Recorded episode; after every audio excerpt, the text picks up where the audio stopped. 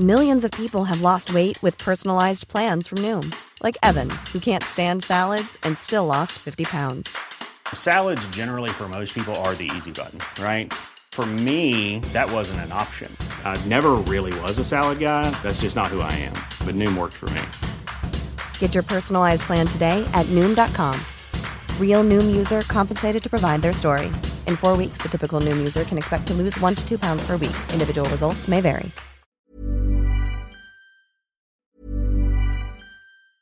If you thought the only way to get a more defined jawline with natural looking results was through surgery, think again. Juvederm Volux XC is a non surgical injectable gel filler that improves moderate to severe loss of jawline definition and can help you achieve natural looking results with little downtime. Even better, this improved definition lasts up to one year with optimal treatment. No maintenance required. Improve jawline definition for a smooth, sculpted look with Juvederm Volux XC. For important safety information and to find a licensed specialist, visit juvederm.com. That's J U V E D E R M.com. Not for people with severe allergic reactions, allergies to lidocaine, or the proteins used in Juvederm. Common side effects include injection site redness, swelling, pain, tenderness, firmness, lumps, bumps, bruising, discoloration, or itching. There's a risk of unintentional injection into a blood vessel, which can cause vision abnormalities, blindness, stroke, temporary scabs, or scarring. Talk to a licensed specialist to find out if it's right for you.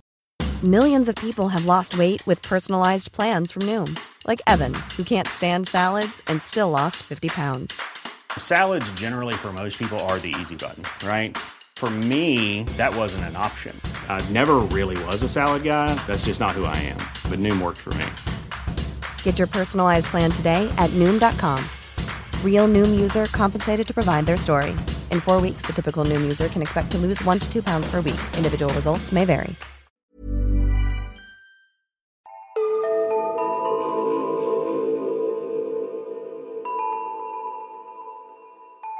Hej och välkomna till femte avsnittet av Nära ögat. En true crime-podd för mesar. Mitt namn är Alexandra Kensdottir och mitt emot mig sitter... Amelia Ingman. Det är helt sjukt att vi är på femte avsnittet redan. Och som vi sa förra gången, tack så jättemycket för eh, all feedback vi fått och tack för att ni lyssnar och vi uppskattar det jättemycket. Ja, och nu börjar man nästan bli lite varm i kläderna. Ja, lite. Det känns ju lite lättare för varje gång. Även om det är väldigt konstigt att sitta här och prata om true crime för mesar. Ja, det var väldigt ovant till en början. Det börjar kännas bättre men det är fortfarande väldigt absurt att sitta så här i en studio med dig och prata om saker som vi egentligen brukade göra i din soffa liksom. Men det är kul att folk vill, vill lyssna på oss. Ja, det är superkul. Och vi måste också passa på att tacka Massa Media för att vi får spela in i deras lokaler. Och sen så du brukar alltid dra en liten lista här i början. Vi vill att ni ska Dela, gilla och prenumerera såklart på podden. Ja, och glöm inte att följa oss på Instagram, nära ogat podd. Där får ni se massa bilder. Ni, vi lägger ut lite så behind the scenes när vi spelar in och så vidare. Så in och eh, följ oss där så får ni se hur vi jobbar. Ja, och återigen, har ni några tips eller idéer på fall som ni vill att vi ska ta upp så tveka inte på att eh, höra av er till oss. Ni, ni gör det egentligen enklast bara genom att skicka ett DM på Instagram eller kommentera. Och vi svarar ju på allt. Men Assa, har du lust att börja idag? Ja, och det är ganska kul för att eh, mitt fall som jag ska prata om idag är faktiskt en av våra norska lyssnare som har tipsat om. Nej, har vi lyssnare i Norge? Mm. Vad så, kul! Så kul! Och stort tack till alla som lyssnar på oss utanför Sverige. Det är helt sjukt att folk gör det. Men ett extra stort tack till Tone som har skickat in den här historien. Tack Tone, det ska bli jättespännande att höra. Idag kommer jag berätta om skidskytten Kari Swanson. Okej. Känner du igen fallet? Nej, det kan jag inte påstå. Jag känner inte igen namnet och jag tror inte jag har hört om något sjukt fall med någon skidskytt. Så att, nej. Ja, kul. Mina källor är bland annat från en artikel i The Guardian, Mm. Wikipedia och även en intervju med Kari i podden 30 for 30. Eh, och avsnittet där heter Out of the Woods. Om ni vill lyssna på. Och Kari Swanson föddes 1961 Hon växte upp i en liten stad i Montana, USA. Och hennes föräldrar var väldigt måna om att de skulle spendera mycket tid ute i naturen. Så de var ofta ute och fiska och vandrade. Och hon har alltid känt sig hemma bland bergen och skogen. Och Kari var en duktig skidåkare redan från tidig ålder. Och detta övergick till att hon sen började träna skidskytte. Men på den här tiden så var skidskytte endast en eh, tävlingsgren för män. Blä. Mm. Mhm. Vilket år sa du att vi var? Förlåt. Detta var på 80-talet, början på 80-talet. Okej. 1984, när Kari var 23 år gammal, var första året som kvinnor fick tävla i VM i skidskytte. Och då var Kari med. Mästerskapet ägde rum i Chamonix i Frankrike och hon kom femma i den individuella tävlingen och vann sedan brons med det amerikanska laget. Och just Kari blev väldigt hyllad för sina insatser. Senare samma år, efter säsongen, var eh, Kari tvungen att sommarjobba. Och hon jobbade på en ranch som med någon slags servitris. Hon fixade i alla fall frukost, lunch och middag åt andra på ranchen. Men hon älskade det för att hon hade väldigt nära till naturen och hon kunde fortsätta träna sex dagar i veckan. Och off season så brukade Kari vara ute och springa ganska mycket. Hon sprang gärna i skogen, antingen själv eller med sin bror. Och på morgonen 15 juli 1984 så jobbade Kari. Hon serverade frukost och sen serverade hon lunch och sen så åt hon även en egen lunch innan hon drog ut för att springa vid Ulieris Lakes. Hon körde dit, parkerade bilen, hade på sig shorts och t-shirt. Det var en härlig sommardag. Hon hade även snörat på sig löparskorna. Den här dagen skulle hon inte springa så fort utan vara med bara för att hålla igång. Och när hon är ute och springer i den här fantastiska naturen. Det, det här är alltså nära Yellowstone. Mm. Så det är ju fantastisk natur. Det är ju stora berg och liksom gigantiska skogar. Men när hon är ute och springer då så på den här vägen så möter hon två män som står mitt i löparspåret. Och direkt så får hon en känsla av att någonting är off. Mm. De var smutsiga, de hade kamouflagekläder hon fick en riktigt dålig magkänsla. Hon minns inte ens att hon hade tid att tänka att hon skulle vända. Utan hon tänkte ju bara springa förbi dem. Men så stannar den ena mannen henne. Så då bara så här, av ren reflex slänger hon ur sig. Ja visst är det här stigen man springer på. Och de hann inte ens svara utan hon tackade och försökte springa förbi. Men då tar den äldre mannen tag i hennes hand. Och han förklarar att han vill ta med henne ut i skogen och behålla henne. Att hon ska bo med dem. Ursäkta? Mm. Och hon börjar ju skrika, börjar dra och då så slår de henne i ansiktet så hon flyger ner på marken och så lägger de sig på henne. Och den äldre mannen gav den yngre mannen instruktioner att hämta ett rep. Och någonstans där så förstod hon också att det här är som pappa och en son. Men det här går ju så fort. Alltså det går från 0 till 100. Mm. Det är helt sjukt. Och sonen tar i alla fall repet, knyter hennes händer bakom ryggen och drar med henne ut i skogen lite högre upp på berget. Och hon var ju helt säker på att de kommer ju typ våldta och mörda henne. Och innan vi går in mer i vad som händer så kommer jag bara dra en kort bakgrund på de här männen. Okej. Så männen är alltså Don och Dan Nichols. Så det är far och son. Det är far och son. Don är pappan och han är lite av en enstöring. Några år tidigare så hade han skilt sig från sin fru och börjat spendera mer och mer tid i skogen. Och Dan, sonen, det är lite förvirrande att de heter Don och Dan, men Dan är alltså sonen. Dan bodde med sin mamma till en början, men han brukade följa med sin pappa på um, somrarna på långa campingturer ute i bergen. När han var 14 år så hoppade han av high school för att bo med sin pappa. Och 1983 så flyttade han och hans pappa ut i skogen för gott. Va? Mm, de valde att bli mountain men Okay. och de levde ensamma i skogen ungefär ett år innan de såg Kari springa förbi. Och då ville ju pappan, Don, att de skulle ta Kari som en fru till Dan så att inte han skulle behöva leva ensam. Tillbaka till dagen då Kari var ute och sprang. Don och Dan hade som sagt bundit hennes armar bakom ryggen och Dan, sonen, gick med repet och tvingade henne gå. Pappan hade en pistol så att Carrie var ju livrädd för vad som skulle hända. Hon berättade ju då att hon förväntas servera middag på ranchen och att de kommer komma och leta efter henne. Så de på ranchen de visste att hon skulle ut och springa i det här området då? Ja, eller? ja, hon Ja. brukade vara ute och springa där. Okej. Så att de hade stenkoll. Och de visste att hon borde vara tillbaka till middag. Mm. Och Carrie var en ganska ordentlig tjej så att så här, hon brukade inte missa ett jobbpass. Mm. Men när Carrie då har berättat att folk kommer ju komma och leta efter henne. Då säger Don, det vill säga pappan, att de kommer döda alla som kommer och leta efter henne. Och detta skrämde ju henne oerhört. Mm. Till slut när de hade gått tillräckligt långt upp i skogen så stannade männen och tog en stor kedja och fäste runt hennes midja och fäste henne runt ett träd. Och när hon då inte dök upp till middagen så började ju folk bli oroliga. Och det fanns grizzlybjörnar i området. Så de var ju jätteoroliga för att hon kanske hade blivit attackerad. Så folk begav sig ut till skogs och började leta. Och då såg de ju att hennes bil var kvar och de började liksom försöka följa hennes steg på stigen men det är inte så lätt att se. Och Kari kunde höra att folk letade efter henne. Hon hörde hur folk ropade ut hennes namn och hur så här, mindre plan och helikoptrar flög över området. Men vid midnatt fick de avsluta sökandet på grund av mörker. Männen då, Don och Dan, de somnade. Men Kari satt fastkedjad vaken vid trädet hela natten. Hon var livrädd.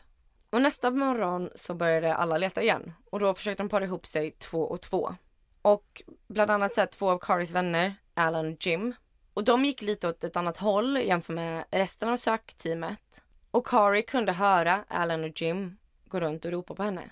Och hon var tyst för att hon ville inte att de skulle hitta henne. För att hon visste att de här männen skulle skjuta om de såg att det kom några okända dit. Men Alan och Jim kom närmare och närmare och till slut så såg de Kari och det enda Kari kunde ropa då var Go away, they have guns, they're gonna shoot. Men det var för sent. Åh nej. För samtidigt så ropar pappan Shut her up till sonen. Så Dan höll pistolen mot henne och skjuter Kari i bröstet. Och sen så skjuter pappan Alan. Och Jim, som också var med och letade, han bara springer för att hämta hjälp. Och Don och Dan låser upp Karis kedjor och sen försvinner de. Kari blöder extremt mycket från bröstet och det bara pumpar ut blod så fort hon rör sig. Och det gör så extremt ont att hon inte ens vet vart hon ska ta vägen. Det gör ont att andas, det gör ont att bara existera. Och hon försöker ligga stilla och hon börjar kontrollera sin andning som hon brukar göra när hon tävlade i skidskytte. Så hon andas för att lugna ner sig så mycket som möjligt och Don och Dan försvinner i alla fall ut i skogs och lyckas hålla sig gömda ett bra tag. Och Kari vet inte riktigt hur länge hon låg där. Men efter ett tag hör hon en helikopter. Och det visar sig efteråt att det var ungefär fyra timmar som hon låg där skottskadad och väntade på hjälp. Oj. Och tyvärr så dog Karis vän Alan avskottat och han blev bara 36 år gammal. Karis skott hade gått in under nyckelbenet och gått ut genom skuldran och punkterat hennes lunga och den började då fyllas med blod. Men hon togs in på sjukhus och en av hennes vänner som åkte och hälsade på henne ganska snabbt efter hon berättade att när Kari låg där uppkopplad till alla maskiner så var hennes händer fortfarande helt jordiga. Alltså de har inte ens haft tid att här, tvätta av henne innan de liksom kopplar upp henne till allting. Och då kunde man bara se hur mycket så här, smuts och jord hon hade under händerna och bara förstått att hon så här, försökt ta sig loss. Ja. Och hennes kompis berättade att hon hade bara sprungit ut och spytt direkt efter hon hade träffat henne. För hon, det var helt överväldigande att se. Men Kari kom i alla fall hem efter ungefär åtta dagar på sjukhuset. Och det som var det värsta för henne var det mentala traumat. Hon kunde knappt sova alls och hade jättemycket mardrömmar. Men hon hade ett mål och det var att hon ville kunna tävla igen i skidskytte. Till en början kunde hon knappt komma ur sängen eller ens ta sig till toaletten. Alltså hon kunde knappt gå. Hennes familj tog henne till deras stuga som de har i skogen. Och varje dag så fick hon gå lite, lite längre. Tills, ja, men tills hon nästan fick panik. Hon kunde ju se att hon kom ett steg längre eller två steg längre för varje dag. Och till slut så kunde hon faktiskt gå ut och jogga igen. Men då har ju fortfarande inte Dan och Don blivit fasttagna. Nej. Hon vågar ändå... Mm. Men hon vågar inte göra det själv. Så att hon är fortfarande väldigt, väldigt rädd för att vara ensam. Mm. Men hon sa också så här att om inte hon skulle kämpa, om inte hon skulle pusha sig själv så skulle hon aldrig bli bättre. Även om det var jättejobbigt. Så var hon tvungen att utsätta sig för det här varje dag för att kunna bli bättre. Och fem månader senare, i december 1984, så hittas Don och Dan i skogen. Och de häktas direkt. På 80-talet då när detta hände så var det många tidningar som nästan så här romantiserade vad som hade hänt. Att de här enkla mountain-männen ville ha en fru och att det var lite som the wild west. Att det var som det var på den enklare tiden. Men lägg av. Det är helt sjukt. Och det visar också hur långt man har kommit idag 2020. Ja. Det var så många tidningar som porträtterade det här helt skevt. De beskrev männen som så enkla män som bara vill ha sällskap och bo ute i skogen. Istället för att prata om de här sjuka jävlarna som kidnappade en ensam tjej. Mm. Men det, det är så sjukt man förstår liksom typ hur man kan göra sådana här brott i grupp. Alltså det är inte bara en man som får något form av infall eller, eh, eller är liksom instabil på något sätt utan det är liksom en far och en son. Det är ett, det är ett par som tillsammans gör det här och det är så svårt att förstå. Mm. Och något som har varit jättesvårt för dels för Kari men även för Allens familj. Det är ju att fokuset har legat på att romantisera de här männen istället för att prata om offren. Mm. I maj 1985 blev det rättegång.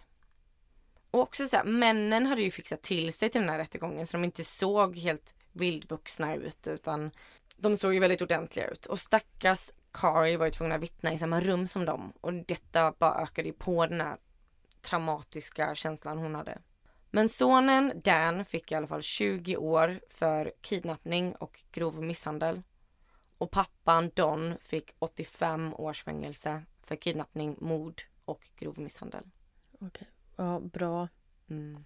Sa du förresten hur gamla de var? Jag hittade inte så mycket detaljer kring männens åldrar men jag tror att sonen var ungefär lika gammal som Kari så att hon kanske, han kanske var runt 20 när detta hände. Och pappan då 40-50. Okej. Kari höll i alla fall fokus och tränade för fullt. Hon lyckades ta sig till VM i skidskytte i Oslo 1986. Imponerande. Och den norska kungen och drottningen var där. Och skidskytte var ju så mycket större i Norden jämfört med vad det var i USA. Och hon tyckte att det var helt fantastiskt. Och det fina var att även om det var mest var norrmän där så var det så många som hejade på henne och ropade hennes namn. Och hon sa att det var helt överväldigande. Och hon slutade fyra. Men tjejen som kom trea valde att dra upp Kari på podiet så att de två kunde stå tillsammans på tredje plats. Ja, vad fint. För att alla visste ju vad hon hade varit med om. Men sådär. så grymt fjärde plats. Mm, så fint. Men efter detta så pensionerade hon sig från skidskyttet.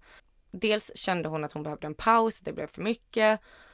Och sen jag menar samtidigt nu, alltså skidskytte var inte ens olympisk sport för kvinnor på den tiden. Hon valde att gå vidare och flyttade till Colorado för att plugga till veterinär istället. Hon berättade att idag så har hon fortfarande mardrömmar och ibland väldigt svårt att sova. Hon har även lite nervskador från eh, skottet hon fick. Och när hon är ute och hajkar så har hon lite så här tvångstankar att hon räknar alla som går förbi. Och har väldigt, väldigt, alltså väldigt bra koll på omgivningen. Men hon försöker verkligen varje dag att njuta av naturen istället för att vara rädd. Hon berättar också att så här, hon lär sig hantera det och att hon inte vill vara rädd och hon vill inte ignorera den här rädslan heller utan hon vill bara så här, lära sig leva med den. Hon berättar även att hon rör på sig varje dag och hon spenderar massor av tid utomhus. Och idag så jobbar hon med skidskytte, eller hon tränar folk i skidskytte. Och ibland så händer det att hon får frågan om hon är den där Kari Swanson. Mm. Och idag så tvekar hon inte längre. Utan hon bara säger att ja, det är jag. Och det var historien om Kari Swanson. Alltså wow, jag har aldrig hört talas om detta. Nej, jag hade inte heller hört talas om det här. Fantastiskt tips Tone, tack. Tack, jag vill också ha tips. Tipsa. Men wow, alltså verkligen vilken historia. Och jag... eh, Som jag sa innan, det är så svårt att förstå. Det här är ju liksom typ på något sätt alla tjejers mardröm. Vara ute och springa ensam och bli överfallen. Och så fort du sa att hon såg två män i löparspåret så var hon bara vänd om. Alltså, det är så sjukt att man ska behöva tänka så att, och att man ska ha rädslan som utgångsläge. Mm. Och också så här, det som är så sjukt med det här fallet är ju sen hur media hanterade det. Att istället för att prata om offret och prata om vad som har hänt så sitter de och skriver någon fanfiction western story om det här hur de här enkla männen har återvänt till var männen kom från från början och det är en sån bullshit. Men att, att ens överhuvudtaget romantisera brottslingar på det här sättet, speciellt när det handlar om såna här grova brott som kidnappning och mord, sluta romantisera det. Det, är, det finns ingenting att, att hämta där liksom. Det är så sjukt att man valde den vinkeln. Och på tal om det skulle jag verkligen vilja tipsa om ett jättebra Instagramkonto som drivs av Amanda Olenius. Det Instagramkontot heter Amanda understreck Alenius. Mm. Jag följer också henne, hon är så grym. Mm, hon har ju bland annat startat Annonsrådet som uppmärksammar sexistisk reklam. Och de sätter verkligen ord på det man själv vill säga. Varför bilden är sexistisk. Ja, och hon är superpedagogisk och hon är verkligen så klok. Och hon har ju flera gånger uppmärksammat eh, rubriksättning som är diskriminerande eller typ sexistisk och har i flera fall fått eh, olika tidningar och nyhetsbyråer att eh, justera och eh, förbättra sina rubriksättningar. Så verkligen, jag håller med. Gå in och kolla in hennes konto. Det är jättebra. Följ henne. Ja, verkligen. Men tack så jättemycket, Assa. Det var så spännande. Tack. Nu ser jag så mycket fram emot ditt fall. Jag ska prata om Lachelle Nance, även kallad Mirakelflickan. Känner du till? Alltså när du säger mirakelflickan så är det som att jag känner att jag kan ha läst någonting om det här men det är ingenting jag kommer på just nu vad det handlar om. Okej, men flika in om du känner igen historien. Mm. Jag kan börja med att säga att mina källor är en artikel från True Crime Daily och ett avsnitt från Crime Watch. Lachelle är åtta år när den här händelsen som jag ska ta upp äger rum. Och hon bor tillsammans med hennes mamma Michelle, också ganska lika namn, Michelle och Lachelle. Men jag kommer kalla henne för mamman, så det är lättare att hålla reda på. Och de är även väldigt nära med eh, Lachelles gudmor och mammans bästa vän Lisa Taylor. Mamma Michelle och Lisa tillsammans med deras respektive barn har liksom bildat som en egen liten familj och eh, 2014 så kommer den växa och bli ännu större. För en av Lisas söner har en vän som sov i sin bil utanför Lisas hus. Så hon går ut och frågade vad han gör där. Hans namn är Milagro Cunningham och han är 17 år gammal och berättar att han inte har något stabilt hem.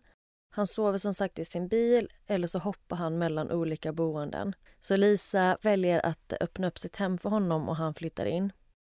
De behandlar honom som en del av familjen och de ger honom kläder och han blir väldigt snabbt en del av deras grupp. Och han umgås väldigt mycket med de andra barnen och spelar tv-spel och passar väldigt bra in.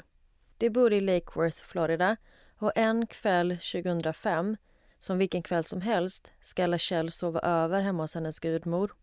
Och hon delar då säng med Lisas ett år gamla barnbarn. Det har varit en väldigt lugn kväll och alla går och lägger sig för att sova. Men vid ett på natten så kommer ett av Lisas barn in till henne och säger att de inte kan hitta Lachelle. De söker igenom hela huset. De ser att hennes skor står kvar vid ytterdörren men ingen kan hitta henne. De ringer Lachelles mamma och frågar om hon har varit där och hämtat henne. Men hon säger nej och eh, de berättar då att hon är borta så Lachelles mamma åker direkt dit.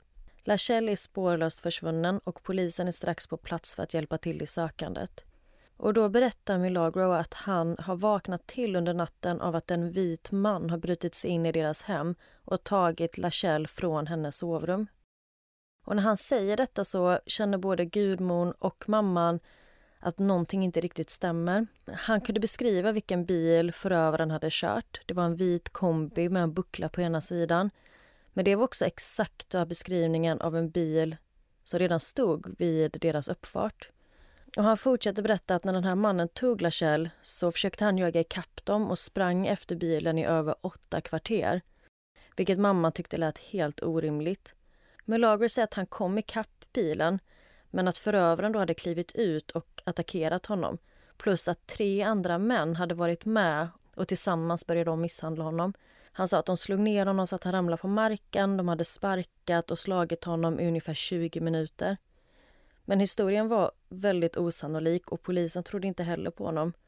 Han hade bara en reva i sin tröja men utöver det fanns det liksom inga fysiska skador och inga tecken på en misshandel. Jag tänkte precis fråga det bara.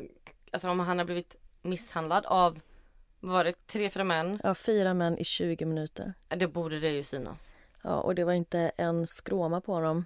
Men nu är det flera poliser på platsen och de har liksom och de håller på att söka av området och de letar i parker, de letar på kyrkogården, letar liksom i området runt huset men även på en soptipp som ligger några kvarter bort från där hon försvann.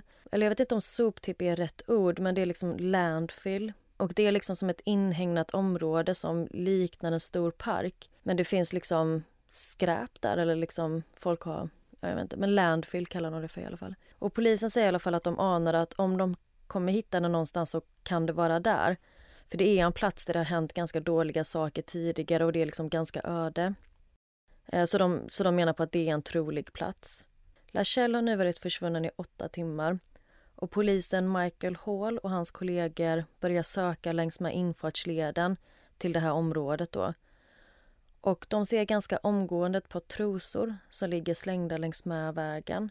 Och en liten bit längre bort ligger även ett par shorts. Och de förstår då att de är på rätt plats. Någonstans här så kommer de hitta henne. Till höger om vägen står det två stora containrar och de åker fram och börjar genomsöka dem. Och i den ena containern så ligger det en soptunna. De kollar närmare på soptunnan och när de lyfter locket så ser de att den är fylld med stora cementblock. Men när de kollar närmare så ser de att det sticker upp en hand och en fot under de här cementblocken. Och det är Lachelle. Alltså jag är så glad just nu över att jag vet att det här är en true crime podcast för mesar. Ja, exakt. Hon överlever. Får få påminna om det. Och via radion då så rapporterar polisen att de har hittat en kropp. Och de antar då att hon inte är vid liv. Och hon har blivit placerad i soptunnan så att hon ligger liksom i fosterställning med huvudet neråt. Så hon har liksom inte kunnat ta sig ur även om hon hade försökt. Och gärningsmannen har ju då som sagt placerat de här stora cementblocken ovanpå henne och bara lämnat henne för att dö. Så under tiden så informeras Lachelles familj om att hennes kropp har hittats. Förlåt, säger man hennes kropp? Eller liksom, mm. Man säger inte att hon har hittats, man säger hennes kropp. Ja. För de polisen liksom, de tror inte att det är någon chans att hon har överlevt. Så att de får nyheten om att Lachelles kropp är funnen. Och gudmamman Lisa svimmade av i nyheten om att de hade hittat henne men även hur de hade hittat henne. För hon klandrade sig själv i och med att Lachelle hade försvunnit från hennes hus och hon skulle då ha vaktat henne. Polisen spärrade av platsen och, och påbörjade en brottsplatsundersökning. Och de utredde nu ett mord. Men när en av poliserna kikade in i soptunnan så blev han helt chockad för han kunde se hur ett av hennes fingrar rörde på sig. Alltså jag ryser! ja. Och de började nu omedelbart slita ut de här cementblocken som hon gömdes under. Och när de lyckas få loss Lachelle så är hon knappt vid medvetandet. Och de lägger henne på en bår och tar henne mot ambulansen. Men på väg till ambulansen så lyckas hon viska till en av poliserna att hon vet vem gärningsmannen är. Och det är Milagro. Såklart! Mm. Och i en intervju 12 år efter den här händelsen, när Lachelle är 20 år gammal, så berättar hon med egna ord vad det var som hände den här natten. Och hon berättade att hon hade vaknat upp av att någon tog på henne. Och det var Milagro. Killen då som bodde tillsammans med hennes gudmor och var en del av deras familj. Och han lurade ut henne ur huset och hon hade bara pyjamas på sig, inga skor eller någonting annat. Men så fort han hade fått ut henne så attackerade han henne. Förlåt, hur gamla var de då? Hon var åtta 28 och han var 17. Men alltså. Men han då tog tag i henne och eh, hotade med att skada henne om hon eh, skulle skrika och drog med henne mot det här området då där hon senare skulle hittas. Och bara några kvarter från hennes gudmors hus berättar Lachelle att helvetet började. Han kastade ner henne på marken, slog henne och våldtog henne. Hon försökte skrika och försvara sig men hon var så liten så hon hade ingen chans. Nej. Och hon berättade att hon, hon förlorade hoppet. Till sist bara låg hon där tyst och grät för att för hon trodde inte att någon skulle kunna höra henne när hon försökte skrika. Och han började sedan strypa henne. Och hon förstår att det finns ingenting hon kan göra. Hon kan inte ta sig loss. Så hon väljer att spela död. Och efter han har försökt strypa henne så tar han henne och återigen kastar henne i marken. Och hon ligger då helt blickstilla och håller andan. Han ropar hennes namn flera gånger men hon fortsätter att spela död och bara blundar. Då plockar han upp henne och slänger henne över sin axel. Han går iväg med henne längre in i det här området och kastar sen ner henne i soptunnan. Och hon känner hur han liksom placerar de här cementblocken över henne och hon kan höra honom för varje sten han lägger så säger han förlåt och skrattar. Så hon liksom... Va? Ja, så att hon ligger där och är... Tänker liksom att det här är ondskan själv. Och hon är ju liksom helt övertygad om att hon kommer dö. Och cementblocken som han lägger på henne väger totalt 90 kilo. Vilket är tre gånger hennes vikt. Så hon kunde inte röra sig. Det fanns liksom ingen chans för henne att hon skulle kunna ta sig ur. Så allt hon kunde göra var bara att ligga och vänta. Så åtta timmar senare, när hon känner liksom att orken är på väg att ta slut så hör hon svaga röster närma sig. Och Hon tror först att hon drömmer. Men som tur var så räddades hon precis i tid. För på sjukhuset så trodde läkarna att hon skulle endast ha överlevt 10-20 minuter till om hon inte hade hittats. Ja. Alltså jag på riktigt alltså. Jag, jag ryser. Jag försöker visa min gåshud här men. Ja, det är så sjukt.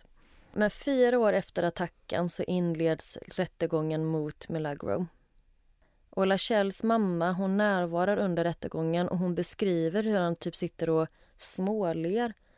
Och hon säger även att det är väldigt, väldigt svårt för henne att bara sitta där som åskådare för allt hon vill är liksom bara springa fram och slå honom och flyga på honom. Men hans advokater menar på att han hade den mentala kapaciteten av en sjuåring och att han inte kunde förstå skillnaden mellan rätt och fel. Men Lachelles mamma tror inte en sekund på det, speciellt inte eftersom han, eftersom han var så uträknande i sättet han liksom placerade sten efter sten efter sten ovanpå hennes kropp då för att dölja henne. Alltså någon som tänker som en sjuåring hade inte gjort det. Nej, knappt ens att man hade tänkt så långt att man skulle gömma. Nej, man hade väl bara lämnat henne. Ja, men juryn de avfärdar yrkandet på psykisk störning och 2009 så döms han till fyra gånger livstidsfängelse. Men endast ett år senare så förmildras hans dom på grund av att han var minderårig. För 2010 så ändrades lagen så att alla livstidsstraff för minderåriga i fall som inte rör mord blir ogiltiga. Och i, han var ju då 17 år gammal när, eh, när attacken ägde rum och var, och var endast två månader från att fylla 18 och därmed bli vuxen. Men det inleds en ny domstolsförhandling för att fastställa ett nytt straff för honom då. Och Milagros försvarsadvokat yrkar på ett sänkt straff på grund av att han har allvarliga hjärt och njurproblem. Men nu tycker Lachelle att det, är, det får vara nog med alla ursäkter.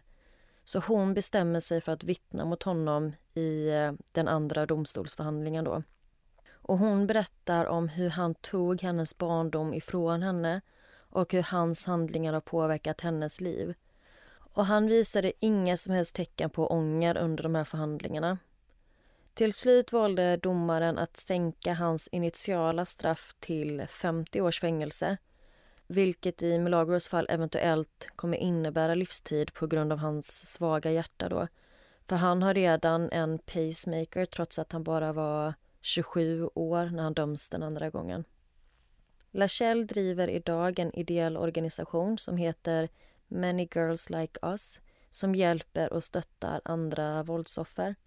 Och hon berättar att hon vill finnas där för de som behöver stöd och för de som behöver någon att prata med. Och många flickor som har vänt sig till den här organisationen har hennes privata telefonnummer. Och hon berättar om hur viktigt det är att våga öppna upp sig och prata om traumatiska händelser för att kunna läka. Och det var fallet om LaShaye Nance, mirakelflickan som överlevde. Wow, alltså gud jag sitter med tårar i ögonen och gåshud över hela kroppen. Ja, men det är så sjukt imponerande att man som åtta år gammal kan vara så smart att man spelar död. Mm. Det var ju i stort sett det som räddade livet på henne. Men alltså jag blir så, alltså hur kan han, för ja, hans namn var jättesvårt, vad, vad hette han? Mm, hur man nu uttalar det, men Milagro. Milagro.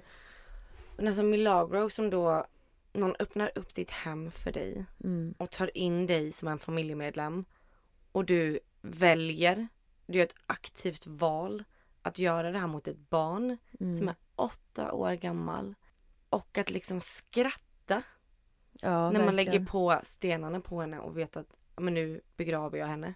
Och det känns också så sjukt. Han säger förlåt samtidigt som han skrattar. Jag förstår inte det. Det är verkligen så sjukt. Ja.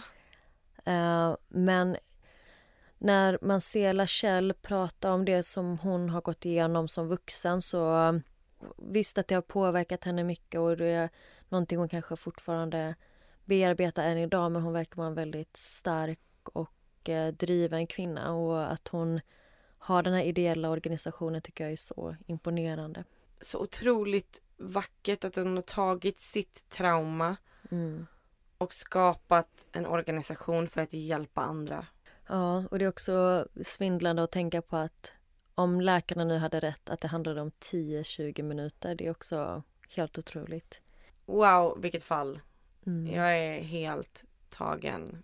Jag förstår verkligen varför hon kallas för mirakelflickan. Mm. Hade du hört det innan? Nej, Nej. nej, inte alls. Ja, det var ju två väldigt starka berättelser idag. Mm. Ganska magstarka ändå. När jag lyssnar på din berättelse idag om mirakelflickan, som, alltså jag var ju ändå tvungen att så här, påminna mig själv om att just det, det här är nära ögat. Det är true crime för mesar. Hon kommer överleva. Ja, och det exakt. känns ändå, det känns ändå liksom bra i själen att veta att det är hon som har berättat sin historia och att det inte var Ja, exakt. Man får nästan påminna sig själv om det ibland. Speciellt när jag lyssnar på ditt med. Att man, vi berättar överlevarnas historia. Vi, vi, vi berättar vad de har gått igenom från deras perspektiv. Och det är verkligen så starkt att liksom se en intervju med Lachelle och höra hennes egna ord. Men jag kommer skriva ut källan på Instagram för de som vill kolla på det själva. Och även ditt fall, Asta. Ja, och vår Instagram heter då Nara Ogat podd. Ja, följ oss gärna där. Och tack så jättemycket igen för att ni lyssnar. Vi uppskattar det. Tack så jättemycket. Puss hej!